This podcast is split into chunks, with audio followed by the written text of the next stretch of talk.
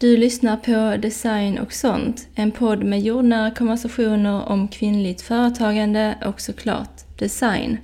I denna podden kan du inspireras av mina gästers unika erfarenheter av att driva eget företag och du kan lära dig om hur du stärker ditt varumärke.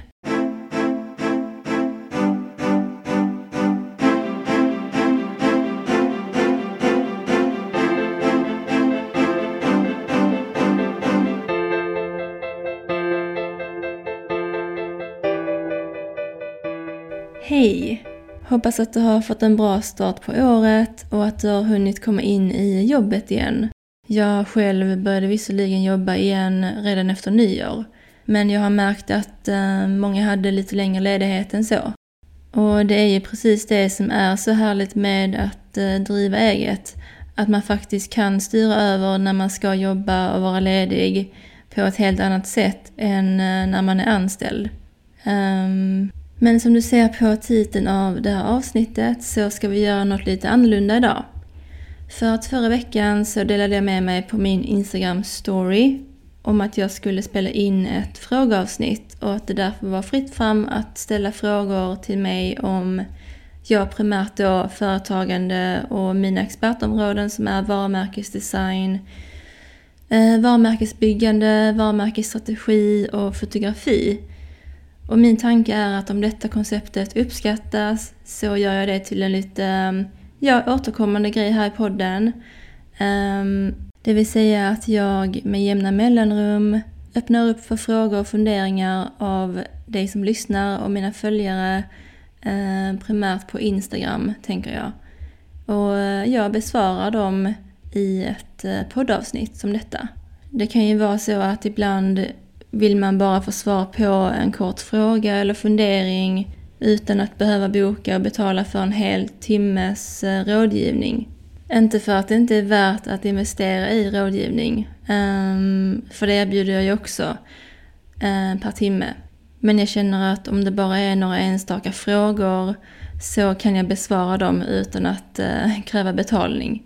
Men jag fick in två frågor denna gången som jag kommer att besvara idag och båda rör det här med varumärkesstrategi. Och jag har ju märkt att eh, detta är någonting som många företagare tycker är lite svårt. Och eh, det tyckte jag också. Eh, när jag höll på att lära mig allting och innan jag liksom gjorde det till min grej och mitt expertområde. Men nu tycker jag att vi tar den första frågan och den låter så här. Om man inte ännu har en varumärkesstrategi, var börjar man? Eh, då tycker jag att man ska börja med att sätta sig ner och fundera över om man vill och kan ta hjälp av någon med detta eller om man vill göra det helt själv. Och om det är så att du bestämmer dig för att göra det själv rekommenderar jag att du börjar med att utvärdera ditt varumärke. Vad kan förbättras, vad fungerar och vad fungerar inte? Vad har du koll på och vad känns oklart? Man kan säga att en varumärkesstrategi är som en grund. Eh, och utan en stabil grund för ens varumärke så är det mycket som ehm, jag menar, oklart. Och det kan därför vara svårt att hålla sig till en riktning och att vara konsekvent och veta ja, vad man gör. Om du är osäker på vad en varumärkesstrategi är och vad den bör innehålla så kan du ta en titt på min Instagram Eh, för där skriver jag ganska mycket om det. Men eh, som jag nämnde tidigare så hänger den andra frågan, alltså fråga nummer två, lite ihop med den första. Och eh, den låter då så här. Vad tycker du är det viktigaste att tänka på när man gör sin varumärkesstrategi? Och det är i min mening att veta vad man gör. Varumärkesstrategin är ju en så otroligt viktig del av ens företag så det är viktigt att den görs på rätt sätt och att den överhuvudtaget hjälper en. Det är liksom viktigt att man själv förstår vad man gör och varför. Um, din varumärkesstrategi ska ju besvara frågor och ja, men ge dig klarhet, insikt och vägleda dig i ditt företagande. Så att du vet hur du ska ja, men gå tillväga med marknadsföringen och kommunikationen. För när du väl har identifierat din målgrupp och vem du talar till så är ju det en helt annan femma att eh, faktiskt göra det och veta hur man ska göra det. Något som kan vara svårt med att utforma en varumärkesstrategi helt själv, om man inte, eh, ja men som jag då, jobbar med det, är det här med att eh, inte ha någon att bolla med. Ibland vet man ju inte om det man tror är rimligt eller inte. Om eh, du som lyssnar är soloföretagare som jag så förstår du nog vad jag menar. Man eh, kan ju ibland bli väldigt fast i ens eget perspektiv och syn på saker. En annan sak som är väldigt viktig att tänka på är att sätta sig in i ens målgrupps skor. Din strategi ska ju vara baserad på och eh, anpassad efter dem. Så låt oss göra en snabb övning. Om din drömkund var ute efter tjänsten eller produkten som du erbjuder och satt och jämförde ja, men olika erbjudanden och varumärken, eh, ditt inkluderat då, hade den då valt att köpa från just dig? Fråga dig själv detta och försök sedan att besvara de här frågorna.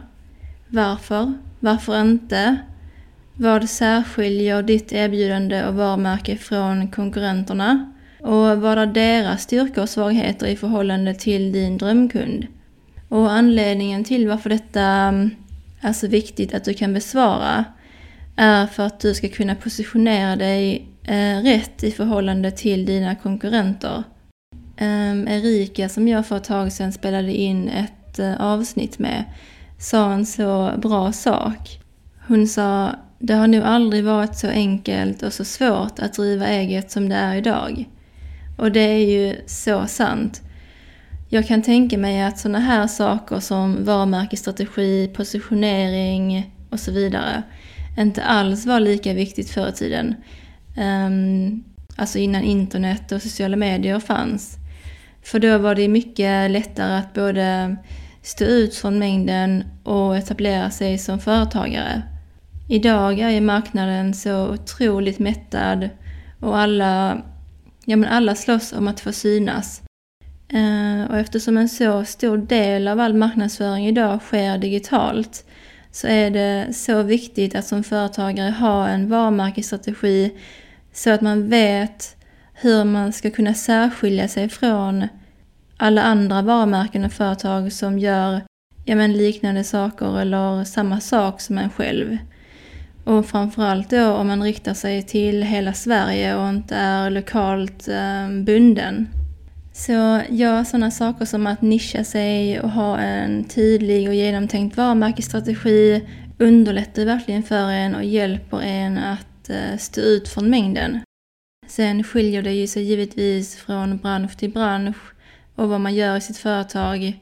Ehm, hur pass svårt eller lätt det är att eh, stå ut och etablera sig men generellt så är det mycket svårare idag eftersom att det finns så många sätt att eh, marknadsföra sig på och synas på.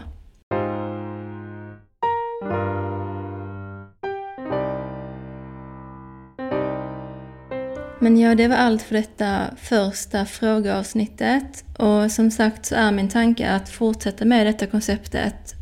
Um, så följ mig jättegärna på Instagram Eh, för att det är nog där jag kommer att be om fler frågor till kommande frågeavsnitt. Och följ jättegärna podden så missar du aldrig när jag släpper ett nytt avsnitt. Hittills har jag varit ganska konsekvent med att eh, lägga upp nya avsnitt ungefär var och varannan vecka. Så det är vad jag planerar att fortsätta med. Eh, det har jag inte officiellt skrivit någonstans eller så, för att jag inte velat lägga för mycket press på mig själv. Men jag känner att det är ganska lagom och en realistisk mängd för mig också ehm, att eh, hålla uppe. Jag ville bara klargöra det eftersom att jag nu har fått en del följare till podden, vilket ju är jättekul. Ehm, men det gör också att jag känner att jag vill ha ett mer fast schema att förhålla mig till. Och ehm, det antar jag också att du som lyssnare föredrar att veta. Alltså ungefär hur ofta det släpps nya avsnitt. Och jag vill också säga att eh, jag vet att det var ett tag sedan nu jag hade gäster i podden. Men eh, jag vill bara säga att det är på G. Jag har en del ehm, planerade som bara ska spelas in. Och ja, såklart, om du vill ha min hjälp med varumärkesdesign och att stärka ditt varumärke så finns alla kontaktuppgifter i beskrivningen av det här avsnittet. Och med det sagt så önskar jag dig en fortsatt fin dag eller kväll.